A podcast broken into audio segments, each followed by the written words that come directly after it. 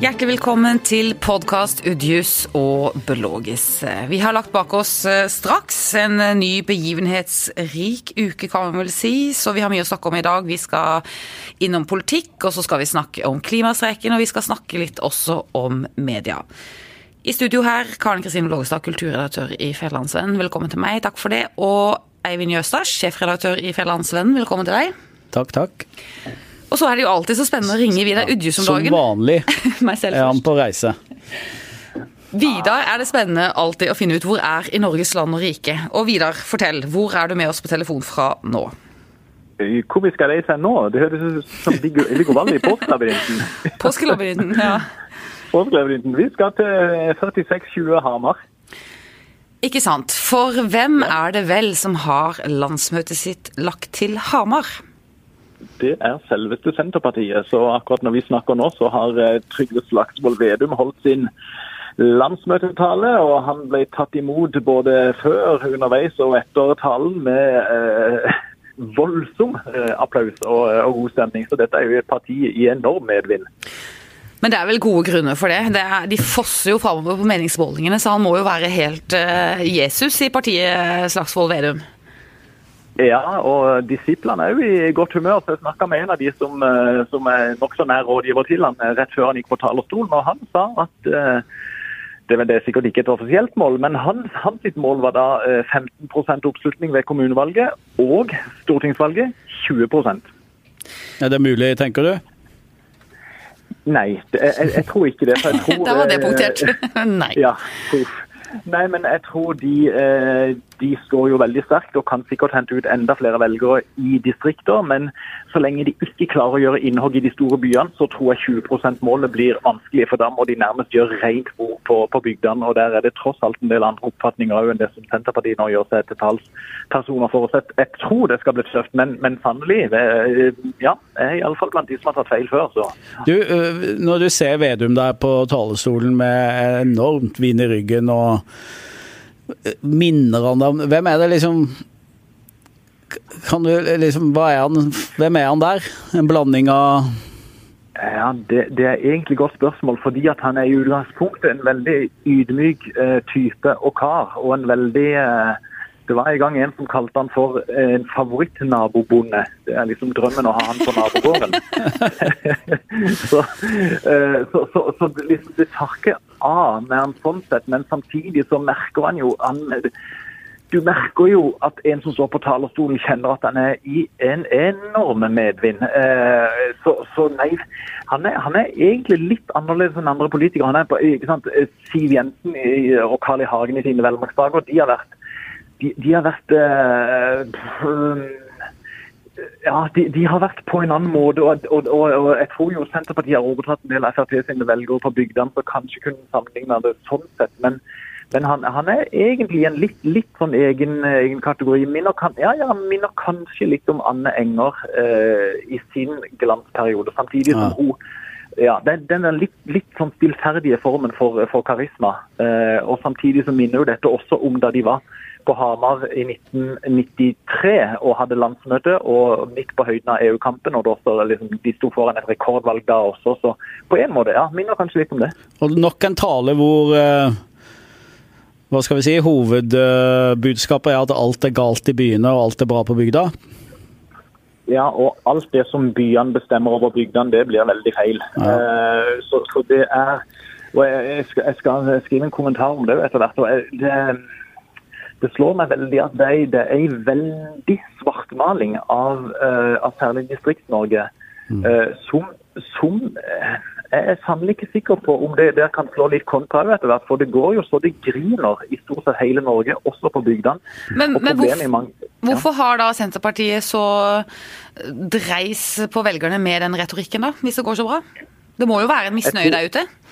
Ja, og, det er det helt klart. Og det er det jo i, sånn sett i, flere lag av samfunnet. Og Senterpartiet har klart å bli misnøyepartiet. Tatt over den rollen fra Fremskrittspartiet, eh, opplever jeg. I distriktene?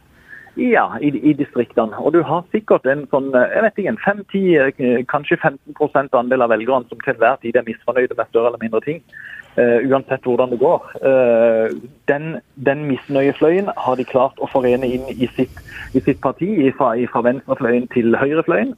Uh, Slagsvold Vedum er en veldig trivelig kar og en, en veldig artig kar. Eh, likende kar. med voldsom humor og ja, et vinnende godt vesen.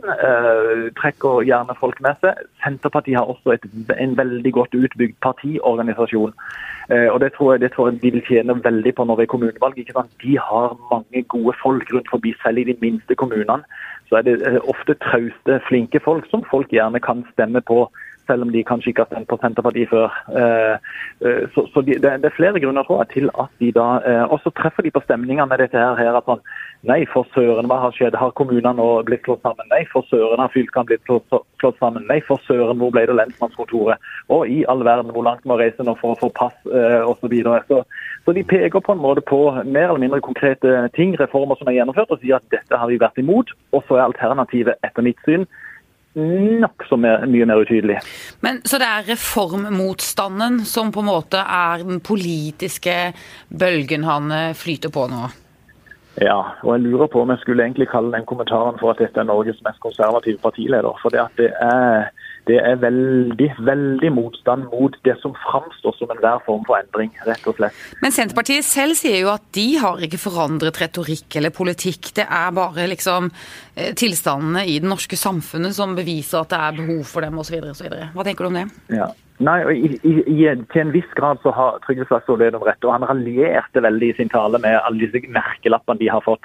I 2015, som han sa når vi var imot kommunesammenslåinger, da var vi bakstreverske. Og så ved, ved, kommunevalget i 2017 så var vi populistiske, og nå er vi blitt kyniske. Mens vi, vi mener det samme hele tida. Og det er sant, men han representerer samtidig en del av Senterpartiet som er imot nærmest enhver reform, enhver endring, og så har en andre fløyer i Senterpartiet, ikke minst på lokalplan, hvor du egentlig har eh, driftige lokalpolitikere som vet å utnytte endringer, kanskje til og med initiere endringer, for å gjøre samfunn bedre. Mens nå framstår de som veldig på, på bakbeina. Men jeg opplever at det er veldig sånn eh, distanse mellom, eh, mellom, Senterpartiet sentralt og de der eh, hardt arbeidende kommunale, grå politikerne Senterpartiet har rundt om i landet. At de er veldig pragmatiske og finner kompromisser med alt fra Høyre til Kristelig Folkeparti og Fremskrittspartiet, og over på den mer eh, røde siden. De er, ja, så, de er ikke så ideologisk nei, betont alltid? Nei, nei og det, det, er jeg helt enig i.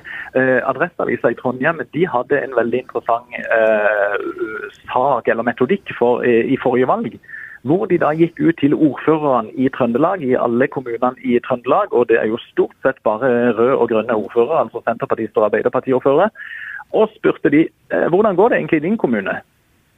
Og, da, og de flere av ordførerne ble irriterte, for de tenkte det er lure spørsmål. Dere skal ha, dere skal ha oss til å si at det går bra her. Ja, nei, det, det, Vi bare spør, dere må svare hva dere vil. Og, men bildet de tegnte, var jo at sånn Ja, gikk ganske bra, rett og slett, rundt forbi. Så, og sånn tror jeg veldig mange, både senterpartister og, og ordførere, føler rundt forbi. At det går ganske bra, og at de er godt i stand til å styre. Og så er de samtidig imot disse overordna reformene. Ja, OK, men det er et voldsomt trøkk som Slagsvold Vedum og Marit Arnstad eh, legger, på, eh, legger, på, dette her. Og hun lederen av Senterungdommen kom akkurat på talerstolen og holdt liksom første ordinære tale i, i, generaldebatten. Og mer eller mindre ordrett så var hennes første eh, utsagn fra talerstolen vi er samla rundt et rungende nei. Ja. Du Eivind, jeg må spørre deg. Eh, mange kaller jo eh, Slagsvold Vedum for en ganske rå populist nå. Gjør du det òg?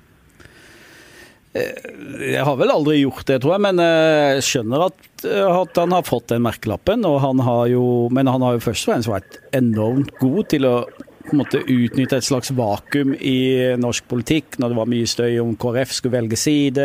Han har fått helt ro og tid til å komme med masse godt planlagt utspill. Som tydeligvis har nådd fram. Da. Han har vært veldig flink til å, til å spisse den by og land problematikken. Mm. Så ja, det er jo populistisk, men det er ikke nødvendigvis negativt til at en partileder er populistisk. En skal jo prøve å Uh, og treffe befolkningen? Treffe befolkningen, så Han er jo den mest vellykka partilederen for tida, i forhold til opps altså økt oppslutning. Ja, er du ikke... hva, hva, hva, hva, tenker du med det, Karen? Ja, jeg hadde lyst til å spørre Karen, fordi hun er jo vokst opp på bygda, som vi vet, Vidar, og kommer fra gård. Ja, ja. Og har, og, og, har, så skjønner du hva han treffer, da? Nei, men helt seriøst, altså, skjønner du hva han Ja, både, altså egentlig både og. For jeg syns jo det er litt rart, som Vidar påpeker, at det egentlig går jo veldig bra. Altså Jeg kan ikke forstå helt den enorme misnøyen. Det syns jeg er litt rart. Jeg kan ikke lese den så tett på Bygde-Norge lever ikke jeg.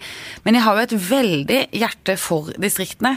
Og jeg kan jo forstå at det på noen, langs noen akser i Norge og i den norske samfunnsdebatten så er det en sånn folk flest-elite-følelse i mange sektorer, også kanskje langs den by- og landaksen. ikke sant? Vi har en, en, slags makt og offentlig diskurs som er veldig sånn tydelig innenfor Ring 3 i Oslo, mens resten av Norge kan føle at verdiskapningen som skjer der, ikke blir eh, vel ansett nok, eller ikke satt nok pris på.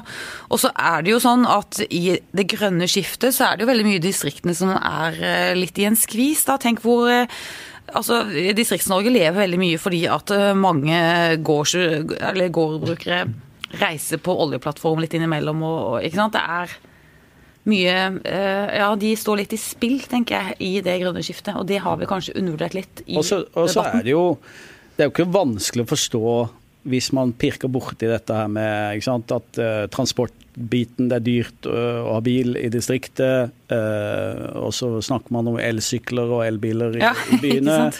Det er langt til Eller kollektivtrafikk. Man ser ikke noe til politi, eller det er langt til sykehus. og det er, altså, Du pirker borti de tinga der hele tida, så vil jo det alltid få gjenklang. Jeg var selv på, de, der du er nå, Vida, eller på Rena faktisk forrige helg. Og mm. da det er jo en kommune som ved sist valg tror jeg fikk 45% eller noe sånt. Senterpartiet fikk 45 og, og, Men da vil vi snakke med en lokal dame, det er en veldig oppgående dame, om bare, bare en, en enkel sak, da, med en ulv. Ikke sant? Ja. Hvor hun ikke sant? Bare er bare så gjennomgående oppgitt da, over, over hvordan retorikken er fra Oslo mm. om ulv. Selv om som jeg sier, jeg er glad i ulv, jeg syns det er fint å se ulv i naturen, men, men, det er liksom det griper rett inn i næring. Det er ekkelt å ha det i tunet. Ja, det er liksom, du, skjønner det. Du, skjønner det. Ja. Så, så, det er sånne saker er jo eh, bra for, uh, for Vedum. Det er ikke noe tvil om det. Men videre, bare det, å tenke på sånn i forhold til maktbalansen i norsk politikk. Mm. Hvordan Ser du for deg det nå? ok, eh, kommune- og fylkesvalg, det, det gjør Senterpartiet det bra, og så kommer det om to år. Så mm. skal regjeringsmakten fordeles på nytt i Norge. Hvor, kanskje. Kanskje. Ja, den skal mm. uansett fordeles på nytt. Ja, altså Det kan være ja, ja, borgerlig fortsetter. Men hvis, mm. hvis, et, hvis Arbeiderpartiet gjør et brukbart valg, og Senterpartiet gjør et kanonvalg, ja. så øh, vil Vedums retorikk skape problemer for Jonas Gahr Støre? Vil det ikke ja, det? det? Jo, det tror jeg. Og jeg tror både hans retorikk og politikk vil skape problemer for Jonas Gahr Støre. Men jeg, jeg, tror i første rekke at Vedums retorikk vil skape et problem for Trygve Slagsvold Vedum. Fordi at han han legger opp nå til en retorikk som skal bli vanskelig å omsette i merkbar annerledes praktisk politikk når han kommer i regjering, samme hvem han må samarbeide med. Mm. Også fordi at sant, hvis, hvis, kommunereformen er så ille, hvorfor vil han ikke reversere den? Mm. Hvis regionreformen er så ille, hvorfor vil han ikke reversere den? Politireformen er forskrekkelig. Ja, OK, vil du gjenopprette lensmannskontoret rundt på, på bygdene? Hvis lokalsykehus eh, av prinsipp ikke skal legges ned, vil du eventuelt eh, bygge opp eh, noen igjen? Altså, han, han, kommer til å stå i en skvis og møte seg sjøl. Han vil da måtte, eller hans statsråd vil måtte forvalte det ulveforliket som også neste storting eh, vil, vil, eh, vil fatte et kompromiss om. Da vil han på en måte måtte stå der. Og så er du plutselig igjen tilbake til tidligere tiårs regjeringer hvor Senterpartiet har vært med, og hvor det har vært sentralisering, hvor gårdsbruk har blitt lagt ned, hvor skoler i distriktene har blitt lagt ned. Senterpartiet har aldri klart å snu den utviklinga der. Eh, så, så, når de kommer tilbake igjen til regjering, så tror jeg egentlig det vil gå aller mest utover eh, Slagsvold Vedum eh, sjøl. Ja. Det er spørsmål bare til, på tampen her. Det var jo det var vel omtrent han sto på talerstolen på sitt landsmøte omtrent samtidig som tusenvis av norske skoleelever gikk ut på gater og steder for å demonstrere mot mm. klimapolitikken. Nevnte han det? Var han innom det? Ikke med, ikke med, et ord. Og det var jo ganske påtagelig. Jeg tenker du øh, øh, Enten var det ubevisst at de hadde glemt å ta det inn i talen, eller så var det helt bevisst at du der, der skal ikke de eh, nevne i din tale, Trygve, altså at rådgiverne har sagt det. Jeg vet egentlig ikke hva som, eh, hva som er mest oppsiktsvekkende, men jeg syns det er ganske spesielt at det første virkelig ungdomsopprøret, som også går rett inn i inn i en politikksak som splitter Senterpartiet, at ikke den nevnes av partilederen i, i en sånn tale. Det synes jeg, rett og slett var, var, var, skuffende. Ellers på klimapolitikken så er det veldig der er de på defensiven. Eh, ja. Uh, veldig. Ja. Uh, og der, der, går retorikken både fra Slagsvold Vedum og fra Marit Arnstad på at uh, jo, men vi prøver jo bare å vi prøver bare å reise en debatt. Det kan ikke være sånn at de vedtatte sannhetene ikke kan utfordres. Og minner sånn sett ikke så rent lite om, om Frp. Mm. Så har Senterpartiet flere konkrete tiltak men igjen hele tida tiltak som ikke vil koste deres kjernevelgere noen ting. Eh, og så advarer de veldig sterkt mot alle tiltak som kan tenkes å koste bøndene noen ting, i form av enten folk skal spise mindre kjøtt eller et eller annet sånt. Så, så, eh, så, jeg syns uh, I forhold til at de, de har en grønn partilogo, så syns jeg, jeg synes den, den, klimapolitikken de står for, den syns jeg kler de ganske dårlig. Du, Jeg bare spørre om én konkret ting der, da. For I forhold til den debatten som jo er veldig stor i distriktene, og spesielt her på Agder om vindkraft og vindmøller og sånn, det er jo en litt sånn skvis for Senterpartiet og for distriktene også. fordi at for mange eh, grunneiere så er dette en ypperlig anledning til å tjene litt gode penger. Og for atter andre så er det altfor store og brutale inngrepen i naturen. Hvor står Senterpartiet i denne diskusjonen? ja, der, der, prøver de å, å, å si det mest mulig i le, tror jeg. eh, og de, de er veldig ja, rett og slett. Og litt sånn som eh, eh, Ja, Senterpartiet er åpenbart delt der. Og du har grunneiere som stemmer Senterpartiet, som syns det er en god idé, som du sier. Du har grunneiere som stemmer Senterpartiet, som syns det er en forferdelig idé. Uh, og, og, det er egentlig litt sånn som i andre partier òg. Venstre delt. Uh, SV, SV er vel nå blitt ganske skeptiske til vindkraft på land. Uh, Miljøpartiet De Grønne delt. Miljøbevegelsen delt. Så det, det, der, det der er søren ikke lett for, for, noen, rett og slett. Nei, ikke for oss heller, hvis vi ikke kan uh, ha tatt doktorgrad i energiutvinning. og sånn Skulle ønske noen, uh, en eller annen instans var politi og bare kunne si at sånn er det. Dette er riktig og dette er feil. Det er vanskelig å mene så mye om det òg. Ja. Ja, det, det, det, ja men, men, det er en veldig interessant debatt. og det ja, og, og, og Både lokalt og nasjonalt. og jeg tenker sånn For min del jeg synes det, jeg synes det er litt rart at ikke en har en, en, en overordnet nasjonal plan som på en måte skisserer eventuelt hvor stort, hvor stort den skal bygge ut, og eventuelt hvilke områder bør kunne bygges ut. I stedet for at driftige sjeler kommer opp med, med lokale planer som så går opp i liksom det lokale kommunestyret og står inn i direktoratet. Ja, en, uh, ja, som, opp liksom, ja. tilfeldigvis. Ja, det var et godt poeng, syns jeg, Vidar. For nå, sånn som det er nå, så blir jo konfliktene veldig store, og det splitter bygdefolk og hit og dit. Det er jo vonde historier. Men nå skal du følge disse senterpartistene gjennom helgen. Du får Det er jo Norsk politikk er jo om det, hva skal jeg si eh, det, det, skjer mye rart der. Altså, Hvem skulle trodd på en måte at uh, sånn Frp går i regjering, og så blir Senterpartiet langt på vei det nye Frp?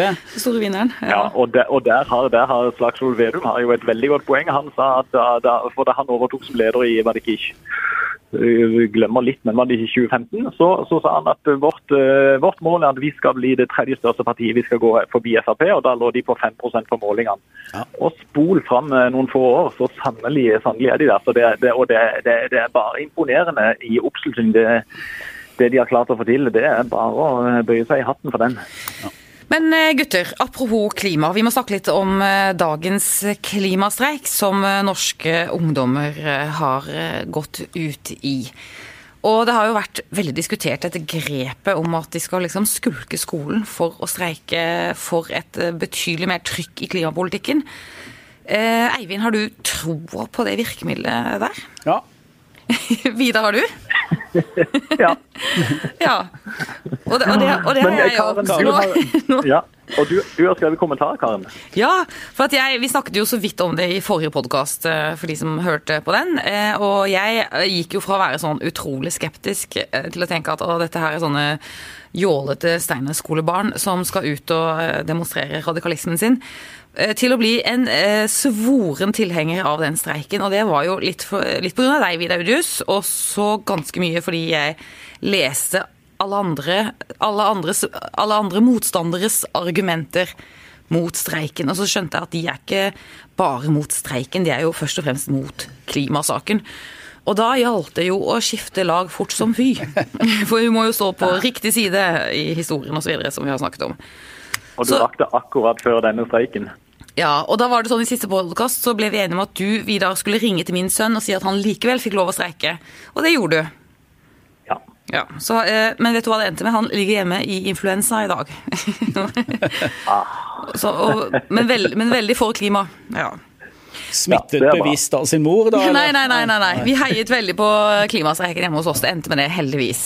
Ja. Og jeg blir jo helt forstyrret altså av å se hvordan eh, dumme, dumme voksne har trakassert og eh, mobbet ungdommen som eh, Den generasjonen som vi har trodd var liksom dypt gjemt inni dataspillets mørke, Altså, eller i bloggeverdenen og bare satt og hørte på Sofie Elise sånn, og sånn. Nå kommer de ut i gaten og mener egentlig eh, endelig noe om verden. Selv ikke der klarer liksom eh, mann 60 pluss å holde seg for god til å skulle liksom trakassere og slenge dritt til 13-åringer. Det Altså. er mot barn, ikke sant? det er så- Det, ja, det er altså Men så jeg stygt. vet, vi vet jo ikke om dette er liksom et blaff, eller hva det er, men jeg har en drøm om at dette her eh, vil vare. Nå triller den tåren i kinnet hans. Nei, Vidar. ja, nesten. Nei, men det hadde vært utrolig gøy hvis det er så unge mennesker som må til for at man faktisk får satt klima sterkere på uh, dagsordenen øh, i politikken, og at det blir mer konkrete tiltak. Og jeg tror de har en effekt på, sin, på politikerne, men også på sine foreldre og besteforeldre, som er opp, Veldig mange er opptatt av klimasaker, men famler i tiltak. Og de er altså denne altså denne horden av den nye generasjonen, de, er, de skal stemme om fire-fem, tre-fire-fem år. Så det, det er en velgergruppe å ta hensyn til. Den saken må man ta hensyn til. Mange av de skal stemme om to år. Mange av de skal stemme om to år. Jeg må bare si én ting som har slått meg veldig når jeg har fulgt med på den debatten om den streiken denne uka, og det er for noen talsmenn og for noen talskvinner de har. Har dere blitt imponert over de Ja, denne uka, er eller? helt De, mø- de Imponert. gruser jo eh, trente politikere i debatt etter debatt etter debatt etter debatt. ja. Og så er det jo fordi de har en god sak. Det er lett å argumentere for klimasaken på en eller annen måte. Jo, de men uansett hvor god sak du har, hvis du er 13-14-15 år og skal debattere med en rutinert politiker, så er det jo lett å bli vettskremt og glemme alle ordene og Ja. argumentene, men de bare dundrer jo på. Ja, de har, de har altså. Men de har, du ser jo også at de har selvtillit i, ta, i Ja. saken sin. De har liksom all moralsk rett på sin side, og det har de jo. Så det er eh, bra å høre. Og så men jeg syns jo det har vært Jeg må si en annen ting som jeg syns var interessant i denne debatten. Det er jo Eller bare for å snakke litt mer om meg oppi dette. Ja, det er viktig. Det er viktig eh, at eh, det har vært interessant dette hvordan curlingforeldrene agerer når eh, deres barn skal ut og demonstrere. For vi skal jo tilrettelegge så mye og ordne alt, ikke sant. Og det er mamma og pappa som skriver inn til rektor og skriver inn til avisen og ber om at fraværet må bli eh, gyldig fordi det er viktig politisk arbeid og bla, bla, bla. Og mange foreldre skal ut og støtte de og, kjø, og kjø, liksom kjøre de til Ja. i dag. Ja. Det er jo litt absurd. Absolutt er det det. Men, men eh, og bare for å spole litt tilbake til det forrige vi snakket om. En ting som er, som er veldig artig med, med deres debattform, er at de jo eh, har en mye større evne enn mange voksne til å sette ting på spissen. Og f.eks. når det gjelder oljeproduksjon. Den forurenser. Bør vi ikke slutte med den, ja eller nei? Ja, ikke sant? Og, det, og, og, og, for oss som er vokst opp med olje og en vanvittig velstandsøkning, så blir det jo litt sånn Ja, jo, det. Ja, men det har også imponert meg, ikke sant? for det, det, det er jo der det gjør vondt. Ja. Ikke sant? Og, og så ser du at for de koker det ned til det.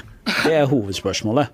Kan Norge være troverdig i den saken, så lenge vi holder på med oljeindustri? Og det har du helt rett Vidar. Det, de, bare, de gir seg ikke på det.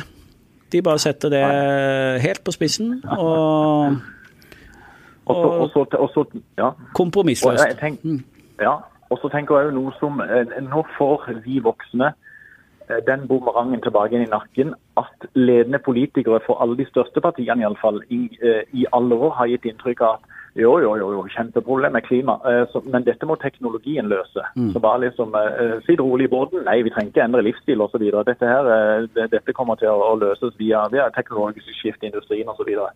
og den tror bare ikke de unge på. Overhodet ikke. De, tenk, de, tenker at vi må endre livsstil. Og det perspektivet har vi veldig godt av i, i, i den store debatten. De kjøper ikke eh, at vi pakker vår handlingslammelse inn i teknologioptimisme. Det er riktig. Ja. Helt enig. Nok om det temaet også. Vi kommer helt sikkert tilbake til eh, dette siden, får vi håpe. For vi håper ikke dette bare var et forbigående blaff. Vi håper jo at det blir et litt mer gjennomgripende opprør. Og, vi i podkasten? The jewelers at BlueNile.com have got sparkle down to a science with beautiful lab-grown diamonds worthy of your most brilliant moments. Their lab grown diamonds are independently graded and guaranteed identical to natural diamonds, and they're ready to ship to your door. Go to Bluenile.com and use promo code LISTEN to get $50 off your purchase of $500 or more. That's code LISTEN at Bluenile.com for $50 off. Bluenile.com code LISTEN. Heier veldig på det. Vi skal snakke om eh, vi må vel si en av de største krisene i norsk medieliv, bransje, eh, på en god stund. For eh, denne uken så har det kommet, altså kommet fram at Sofie, denne kvinnen som Trond Giske danset med på en nattklubb i Oslo for en stund siden, hun har fortalt liksom sin versjon av møtet med VG til TV 2. Og hun har eh, fortalt at hun syns aldri på noe punkt at møtet med Trond Giske var noe ubehagelig. Og det har hun også fortalt at det har hun forklart VG gang på gang på gang på gang, men ga til slutt opp. Og dermed kom det en eh, litt rar for henne versjon av den historien i VG. Veldig oppvask, veldig vond sak. Hva syns du, Eivind? Nei, at det er en krise er det jo ingen tvil, særlig for VG. Altså først og fremst for VG, eh, men det rammer jo på en måte indirekte bransjen òg. I forhold til det som er helt, helt avgjørende for oss, er jo å ha tillit hos leserne våre. Både på ikke at vi har agenda, og at vi behandler folk ordentlig. Og det øh, Nå er vi jo litt inhabile. Vi er jo kolleger med VG-folk. Vi er eid av samme konsern. Jeg kjenner sjefredaktøren i VG veldig godt. Så, men, men, når det er sagt, så vet du at VG er, sånn jeg kjenner de, veldig grundige. Eh, og kjent for eh, veldig mye god journalistikk. Og så har de gjort feil her. Og så er det hvordan man skal takle eh, og håndtere en sånn krise. All ære til TV 2 som lagde den avsløringen. Måtte. Det er nok for lite journalistikk på journalistikk i Norge. Så det var òg et, eh, et godt, eh, godt, at de gjorde det. Og så har det kasta VG ut i en eh, dramatisk situasjon de, som pågår as we speak. Vi vet jo ikke hvordan de vil eh, konkludere med den, og vi vet heller ikke hvilke tiltak de vil eh, innføre for å på en måte gjenreise tilliten. Eh, særlig innenfor sin politiske journalistikk, da, hvor de har vært veldig langt framme. Det hjelper jo heller ikke at deres uh, stjernekommentator uh, Fridtjof Jacobsen i januar måtte slutte fordi han hadde fått et forhold til en Arbeiderpartipolitiker. Og nå er det også en av deres må kunne si, fremste politiske reportere som er i hardt vær. da. Så, som også var en av forfatterne som eh, ga ut denne boken eh, 'Alle skal ned', ja. om intriger og konflikter i Arbeiderpartiet. Og, og, Det som ligger litt bak her, er jo at mange har ment eh, at VG har hatt litt slagside i dekningen av lederkonflikten i, eller nestlederne konflikten i Arbeiderpartiet og mot Giske, da. Så det er en utrolig krevende sak, ja. Og da, det slo meg jo, det er jo ikke, sikkert ikke lett å være VG-reporter på Senterparti-landsmøtet. Plutselig er liksom uh, Jeg hadde fått et annet lys på seg, da, og det er jo nettopp det som er så alvorlig. ikke sant? Altså, uh, fordi journalister er uh, helt avhengig av tillit, og at man opptrer uavhengig, da. Du Vidar, du er jo der hvor det er flest politiske journalister i Norge akkurat nå. Er det en snakkis i gangene, VG-saken? I høy grad. Det, det, er det. Så der, der, hvor det er to eller tre journalister samla, der er det det store, det store temaet. Eh, absolutt. Og, og Vurderingene går akkurat rundt det som, som Eivind da sier om at dette her er jo først og fremst en krise for VG, men, men også eh, et stort problem for eh, medias omdømme eh, generelt. Og, og, Det er jo mange dimensjoner her, men særlig dette som, som vel nå tegner seg som et bilde, nemlig at en person som overhodet ikke er vant til å opptre i media, til å forholde seg til media, blir liksom lagt, eh, i, i, hun får lagt sitater i munnen eh, som hun ikke kjenner seg igjen i eller står inne for, og hvor hun opplever at det blir brukt for at journalisten skal liksom få en god sak eh, og gå videre med det. Det, det, og det er jo fascinerende, fordi altså Som det heter i Vær varsom-plakaten, som jo er en veldig viktig rettesnor for oss, så er liksom hovedoverskriften er 'Ord og bilder er mektige våpen, misbruk dem ikke'. Og her altså i en total dekning, altså tusenvis av ord som VG har skrevet uh, om Giske-saken og, og, andre saker, så er det fem, fem, ord som er lagt inn i det sitatet fra henne etter denne uh, seansen på ikke en nattklubb, Karen, men, ja, men på en bar i Oslo. Uh, hvor det står i VGs opprinnelige sak så ble det litt mye. At hun har sagt det. Det er de fem ordene mm, som, som, som har uh, eh, kasta VG ut i denne krisa. Fordi hun nå sier veldig tydelig til uh, TV 2 at uh, det at hun, hun, sier vel at hun ikke har sagt det, og det var i hvert fall ikke sånn det ble opplevd. Og det at hun prøvde å få uh, VG til å forstå, og, kom en, og, så kom det på trykk i VG, og så gikk det to timer, så hadde NRK en sak hvor de intervjua de eh, samme eh, kvinnen. og og der sto det veldig tydelig at det ikke var noe ubehagelig ved dette. Så det er jo en, en stor skade ved denne saken. Det er jo at eh, kilder eller varsler eller hvermannsen eller folk flest kan få mindre tillit til journalistene, og kanskje vegre seg for å gå med viktige samfunnsvesentlige ting til media.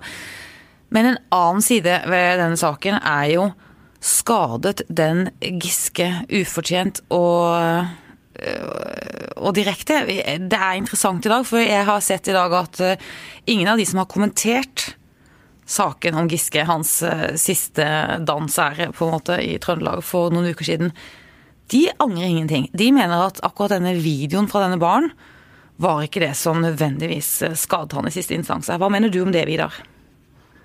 Uh, nei, og jeg, jeg, måtte rett og slett bla tilbake og se min egen kommentar. Uh, men, uh, for, for, å se hva jeg hadde skrevet. Men, eh, men, men jeg la også en formulering om at uavhengig av hvordan man vurderer innholdet i denne videoen eller ikke. fordi at det var jo uh, også da den videoen ble kjent, så, så, og, og, det kom jo relativt raskt ut på NRK at hun, jenta eller dama mente dette overhodet ikke var alvorlig. Men, ikke, det passa liksom inn i et bilde osv. Men, men uavhengig av det så tenker jeg at det som iallfall var mitt, eh, mitt hovedpoeng, og som, og som, også flere andre kommentatorer pekte på i den sammenheng, var at det er så mye føss, og det har vært så mye føss rundt Trond Giske sin person, at Arbeiderpartiet som parti hadde tjent med at han hadde holdt en lavere profil, skråstrek sagt, at han ikke, eh, sagt at han ville trekke seg fra politisk verv i, verv i, i framtida.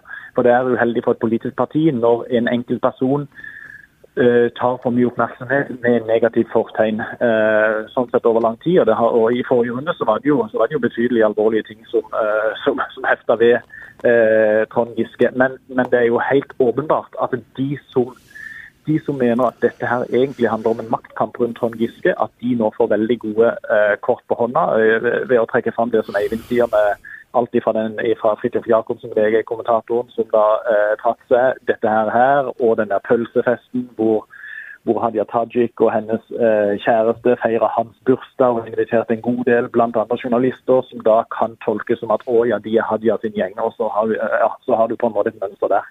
Ja, Det er det som er blitt dumt nå. ikke sant? Der var det jo kommentatorer også på denne pølsefesten, og, ikke sant? og de har behov for å Altså Det er i hvert fall lett å lese som at de har behov for eh, å skape et bilde her som eh, nå blir lest i lys av alt som er kommet fram. Ikke sant? Mm, mm, og øh, jeg syns ikke vi skal snakke oss bort fra at selvfølgelig var mediedekningen med på å bidra til at Giske ble vraka. Det, det, det, altså om, det får vi aldri vite, da. Om denne videoen bare hadde gått viralt bare vært på sosiale medier, ikke vært nevnt i noen medier overhodet, hadde da valgkomiteen i Trøndelag vraka Giske eller ikke? Det, vet, det, får vi aldri vite. det, Giske har selv vært inne på at det kanskje var dumt å være på den baren eh, den, den eh, lørdagen, eller hva det var. Uansett. Fredag, eller hva, når det var. Og, ja, men det, men det er klart at når VG dundrer løs der, så påvirker det, og det skaper Det bidrar, som Vidar sier, det var mye føss, og det har vært mye føss. Og så ble det veldig mye mer føss av mediedekningen nå, selvfølgelig.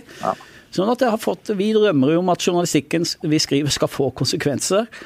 Her fikk det konsekvenser for Giske, men ikke på en sånn måte som man Eller ikke med det bakteppet som man ønsker, da, når man er journalist. Men, og, og tenk et skritt videre der. ikke sant? Forholdet mellom Jonas Gahr Støre og Trond Giske, som jo alle eh, kunne se i, i etterkant av den seansen kunne se var ganske anstrengt.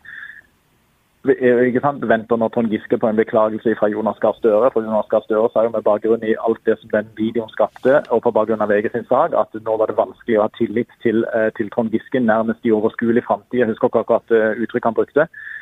Men eh, det er klart, nå vil jeg tippe at Trond Giske eh, går og venter på en aldri så liten telefon kanskje ifra, Jonas. Ja, for Eh, Trond Giske er jo flink til å, å det- altså, Han er flink til å benytte en sjanse når han får en, så det kan jo hende at han ser dette som en veldig fin anledning til et forsøk på gjenoppreisning fra den metoo-suppa som han havnet veldig, veldig langt ned i.